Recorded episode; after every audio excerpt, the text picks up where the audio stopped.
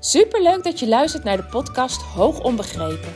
De podcast voor ouders van hoogbegaafde kinderen die hun kind beter willen begrijpen. Mijn naam is Eveline Noordzij en in deze podcast deel ik tips en inspiratie zodat jij jouw kind beter gaat begrijpen, meer en meer in jezelf gaat geloven en durft te gaan vertrouwen op jouw intuïtie. Hoe ga je om met uitdagende situaties? Wat heeft jouw kind van jou nodig? En hoe zorg je voor verandering zodat jouw kind zich gelukkig voelt? Ik heb er veel zin in om dit allemaal met jou te delen. Dus laten we voor vandaag maar beginnen.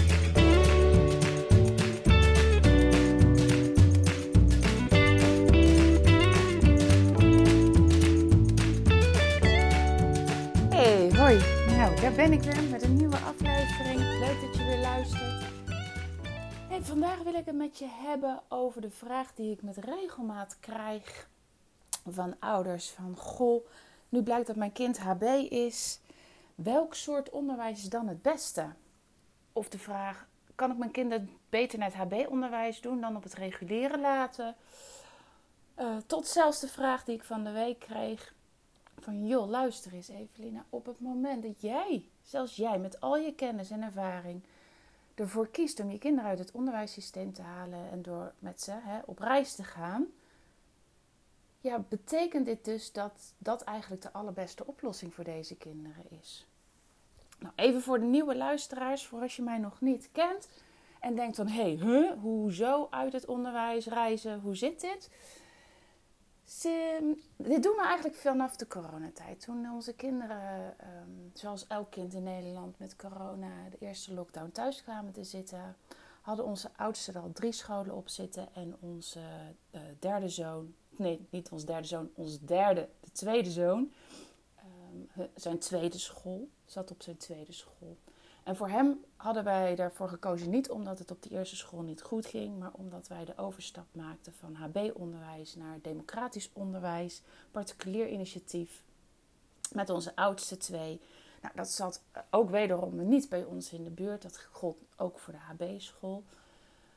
En toen had ik zoiets van, ja, na, na al twee jaar zo ja, bezig te zijn geweest met rijden en kinderen op verschillende scholen, op verschillende plekken brengen. Dat breekt me eigenlijk best wel op. Nu we dan toch kiezen voor ander onderwijs waar ook uh, onze derde naartoe zou kunnen gaan, dacht ik, ja, dat is veel makkelijker als we ervoor kiezen om ze alle drie op dezelfde school ja, onder te brengen. Dat betekent echt nog steeds rijden, maar ik hoef niet meer allerlei uh, trucs uit te halen om te zorgen dat iedereen opgevangen wordt, uh, gehaald wordt. Ik kan nou eenmaal niet op twee plekken tegelijkertijd zijn. Dus ik, moest altijd, ik had altijd anderen nodig. En dat maakte eigenlijk dat we voor onze, uh, ons derde dus ook kozen voor de overstap naar, naar de democratische school. Maar voor onze oudste betekende dus, dat dus al de derde school. En daar zaten ze op. Uh, waren heel, ja, de start was echt heel goed. Ik zag ze opbloeien met alle ruimte die ze kregen. Maar het was nogal een, ja, het was een school die aan de beginfase stond. Nou ja, zoals bij alles wat je begint, daar zitten ook kinderziektes in, zoals ik dat altijd noem. Hè. Niks gaat gelijk van een leien dakje. Je moet leren met vallen en opstaan. Uh, maar dat vallen, daar hadden onze kinderen echt heel veel last van. En toen kwam de lockdown en toen kwamen ze thuis te zitten. En toen ja, begonnen wij ze thuisonderwijs te geven.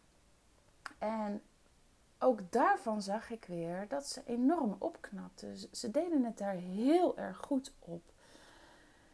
En naarmate die tijd natuurlijk vorderde, zag ik gewoon de resultaten. Want aan de ene kant kregen ze rust, ze kregen vrijheid, ze kregen ruimte.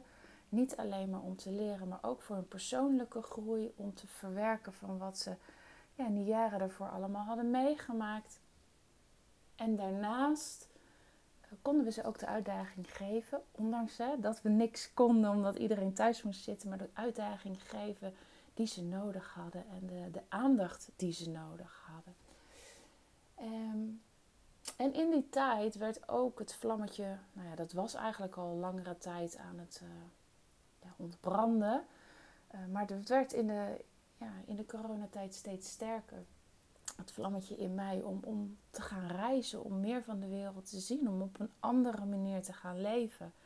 Uh, niet alleen maar ja, zoals het moet en zoals het hoort.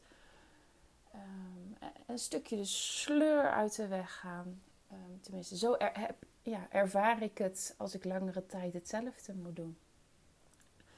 Dat wil niet zeggen dat iedereen dat zo ervaart, maar zo ervaar ik dat in ieder geval. Dus die vlam om, om te gaan reizen werd steeds groter en steeds sterker.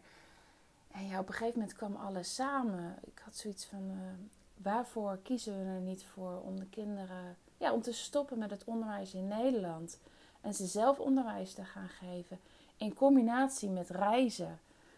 En uh, ja, zo vanuit dat idee is het uh, geboren en hebben we uiteindelijk de knoop doorgehakt. En ben ik met de kinderen gaan reizen en mijn man sluit aan wanneer, wanneer kan, wanneer hij wil, omdat voor hem het zo is dat hij minder de behoefte heeft, minder de behoefte heeft om op pad te gaan, op reis te gaan, dingen van de wereld te zien.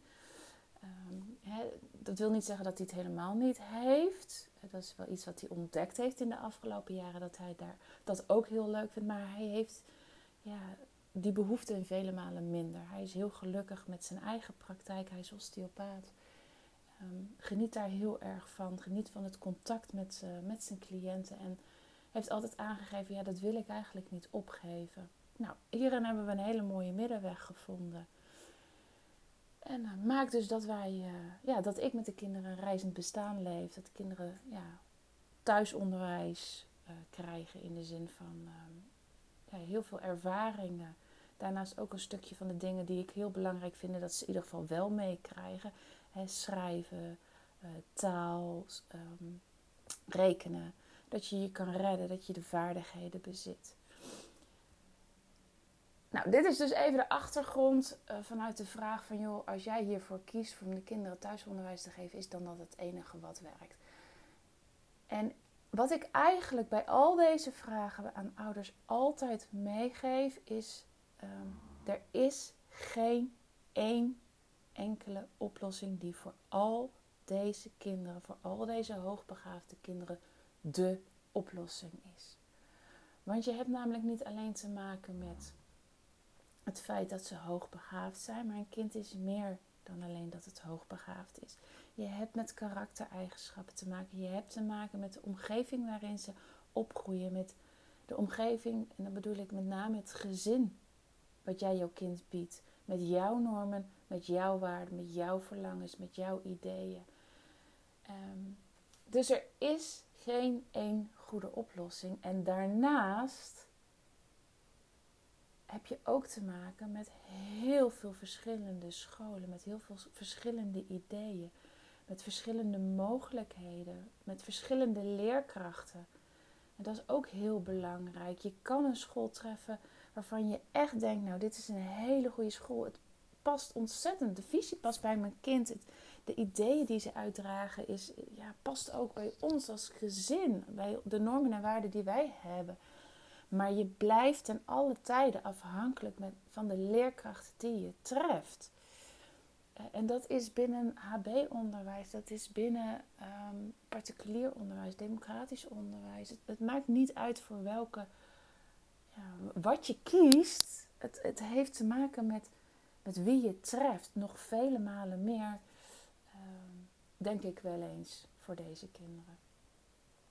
Dus vanuit die gedachtegang kan ik never nooit zeggen dat, het, dat, dat voor deze kinderen regulier onderwijs met aanpassingen beter is dan HB-onderwijs. Of dat HB-onderwijs beter is dan het regulier onderwijs. En kan ik dus ook niet zeggen dat ieder kind geschikt is voor thuisonderwijs. En dat ook niet ieder gezin geschikt is om thuisonderwijs te geven. Want je hebt te maken met jezelf als ouder. Het vergt namelijk nogal wat van jezelf. En iedere ouder kent, kent daarin uh, zichzelf het beste. En ik krijg best vaak de opmerking van: Oh, nou, daar ben ik niet voor gemaakt hoor, dat zou ik echt niet kunnen. Maar dat is ook prima. Weet je, er is niet één manier um, waarin je het goed doet voor hoogbegaafde kinderen. En dus moet je kijken naar andere dingen. En op het moment. Nee, laat ik eerst iets anders nog vertellen. Ik heb ervaring van andere ouders die het binnen een reguliere school enorm goed geregeld krijgen voor een hoogbegaafde kind. Waarvan ik echt mijn petje afzet voor, voor die school die zo ontzettend flexibel is, mee wil denken, out of the box wil denken. Ehm, er zijn ook scholen die het niet kunnen of niet willen. Die hou je. Ik zie ook hele goede HB-scholen met hele goede intenties, met hele goede ideeën, waar, waar kinderen echt opbloeien, waar ze op hun plek zitten. Maar ik krijg ook voorbeelden van HB-scholen die echt extra dingen voor kinderen bieden, die ehm, meer vanuit het, denkbeeld van wat een HB'er nodig heeft opereren, uh, lesgeven. En wat voor sommige HB-kinderen meer dan genoeg is. Maar waarin ik ook kinderen zie die daar niet in floreren, omdat ook binnen die school de rigide omgegaan wordt met hoe ze vinden dat het voor een hoogbegaafd kind hoort. En dat nog steeds een hoogbegaafd kind binnen die lijntjes moet ja, lopen. Ehm, en dat, dat is niet voor ieder kind. Dus er is geen één oplossing. En wat ik adviseer aan ouders die op een gegeven moment um, van mij uh, de bevestiging krijgen van oké, het klopt inderdaad, jouw kind uh, is hoogbegaafd, het functioneert op hoogbegaafd niveau, het, het werkt anders in de hersenen, ze hebben iets anders nodig uh, van, van de school, van de omgeving. Is ga als je het niet meer kan vinden op de huidige school, ga natuurlijk eerst het gesprek aan. Kijk wat de mogelijkheden zijn. Je hoeft natuurlijk niet direct op te geven, maar voel je dat, dat dit niet de weg is? Ga kijken op andere scholen. HB-onderwijs, andere reguliere scholen, andere vormen van onderwijs. En ga ervaren, ga voelen. Voel hoe het daar is. En, ga af, ga proberen af te gaan op je intuïtie. Dat is waar, waar ik de afgelopen jaren uh, met regelmaat de mist in ben gegaan als het ging om het keuze maken voor een andere school. Is dat ik vanuit, wow, we moeten iets anders, we moeten iets anders. Een soort blinde paniek. Dacht van nou oké, dan moet het dit maar zijn. En mijn, mijn intuïtie heb genegeerd. Maar je intuïtie is zo krachtig en is zo sterk. En daar mag je echt van op aangaan dat dat, dat dat klopt. Ook al kan je het niet beredeneren, ook al lijkt het op papier of in gesprek zo ontzettend mooi. Wanneer je intuïtie zegt van oké, nee, dit voelt niet goed. Of nee, dit voelt niet goed om mijn kind hier neer te zetten, omdat ik denk dat mijn kind hier niet voldoende past. Volg je hart, volg je gevoel. Zo'n mooie, mooie uh, uitspraak. Uh, je hart klopt altijd. Ik weet nou niet of ik hem goed zeg, maar volgens mij, nou iets in die strekking in ieder geval. Volg je hart, want het klopt altijd. Zo is het, volgens mij. En dat, waarmee ik wil ook weer niet wil zeggen dat je alleen maar op je intuïtie af hoeft te gaan. Het moet een samenspel zijn van je intuïtie met je verstand. Want je intuïtie kan misschien wel zeggen: Oké, ik ga kiezen voor thuisonderwijs. Maar als dat niet haalbaar is om dat vorm te geven binnen jouw gezinssituatie, omdat je allebei moet werken, misschien wel voor de financiën, of omdat je knettergek wordt van altijd je kinderen om je heen, of dat je zelf heel gevoelig bent en niet die prikkels van die kinderen de hele dag kan velen. Het zijn maar een aantal voorbeelden. En natuurlijk kan je daar ook weer van alles op verzinnen. En, maar als je van jezelf dat weet, dan kan je intuïtie nog zo sterk zeggen: ja, thuisonderwijs. Maar is het misschien niet de meest handige keuze? En, en ga dan op zoek naar een andere vorm. Um, dus maak, gebruik je verstand.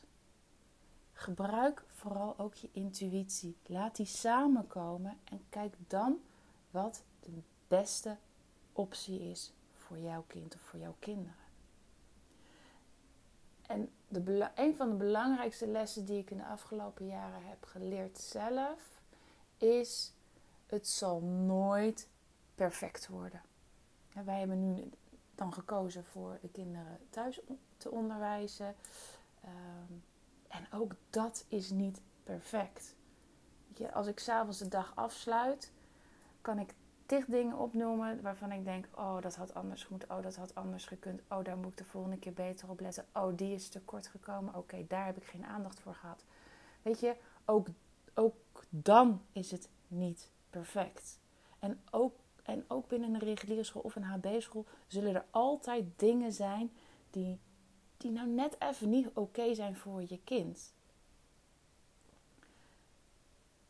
Maar dat is het leven. Het kan niet allemaal perfect. Wat het wel kan, is dat het zo goed mogelijk is voor je kind. Hè?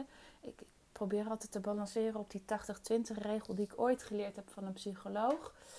Uh, omdat ik altijd streefde naar 100%. Zei ze, ja maar Eveline, 80-20 is ook goed genoeg. Hè? 80% uh, prima en 20% iets minder goed. Oké, dat, is het leven. Uh, als het 80% van de tijd goed is voor jouw kind op school, dan overleeft het die 20% ook wel. En ik denk zelfs nu, dat kon ik vroeger niet, maar nu denk ik dat je die 20% die niet goed is nodig hebt om te groeien als mens. Want met tegenslag, met niet lukken, leer je daarmee om te gaan en je komt er sterker uit. En dat is ook belangrijk voor kinderen. We hoeven niet de weg te plaveien dat die helemaal glad is. Uh, nou, ik ben geen voorstander van een curlingouder. Uh, laat kinderen ook maar door moeilijke momenten heen gaan, door, door moeilijke processen heen gaan. Ze worden er uiteindelijk sterker van. Ja, en het is niet leuk. En soms is het ook pijnlijk om zelf, hè, bij, voor jezelf. Ehm, maar je helpt je kind er ook niet mee om alles weg te nemen en voor 100% te gaan. Ze hebben daarin zelf ook stappen te zetten en dingen te leren. Dus op het moment dat jij denkt van oké, maar ik, de, de overgang naar een andere school is echt heel belangrijk. Ga in gesprek en ga niet met één school in gesprek, ga met meerdere scholen in gesprek en ga voelen. Daarbij je verstand gebruiken en ga de oplossing vinden die goed genoeg is. Nou, ik, heb, ik hoop dat ik hiermee kan inspireren um, om te kiezen. Te kiezen voor wat voor jou en jouw kind of jouw kinderen goed is. Um, en niet te denken dat, dat één bepaalde keuze ten alle tijde de beste keuze is. Hey, dankjewel voor het luisteren. Dan heb ik nog één vraagje aan je. Zou je alsjeblieft op Spotify deze podcast een recensie willen geven, een beoordeling willen geven? Als je de laatste aflevering opzoekt, daarboven staan sterren, staat volgens mij beoordeling bij. Daarop kan je uh, drukken en kan je deze podcast een aantal sterren geven. Nou, ik zou het heel fijn vinden als jij de podcast wil beoordelen. Uh, natuurlijk het liefst met 5 sterren, want hoe hoger de score, hoe makkelijker deze podcast gevonden gaat worden. En hoe meer ouders ik van vermoedelijk hoogbegaafde kinderen of hoogbegaafde kinderen kan bereiken en kan inspireren met deze podcast. Nou, heb je het al gedaan? Dank je wel daarvoor. Hartstikke fijn. Heb je het nog niet gedaan? Wil je het alsjeblieft doen? Je zou mij daar in ieder geval heel erg mee helpen. En niet alleen mij, maar vooral al die andere ouders die ook struggelen in de zoektocht wat het beste is voor hun hoogbegaafde kind. Dankjewel voor het luisteren en tot. Doei doei!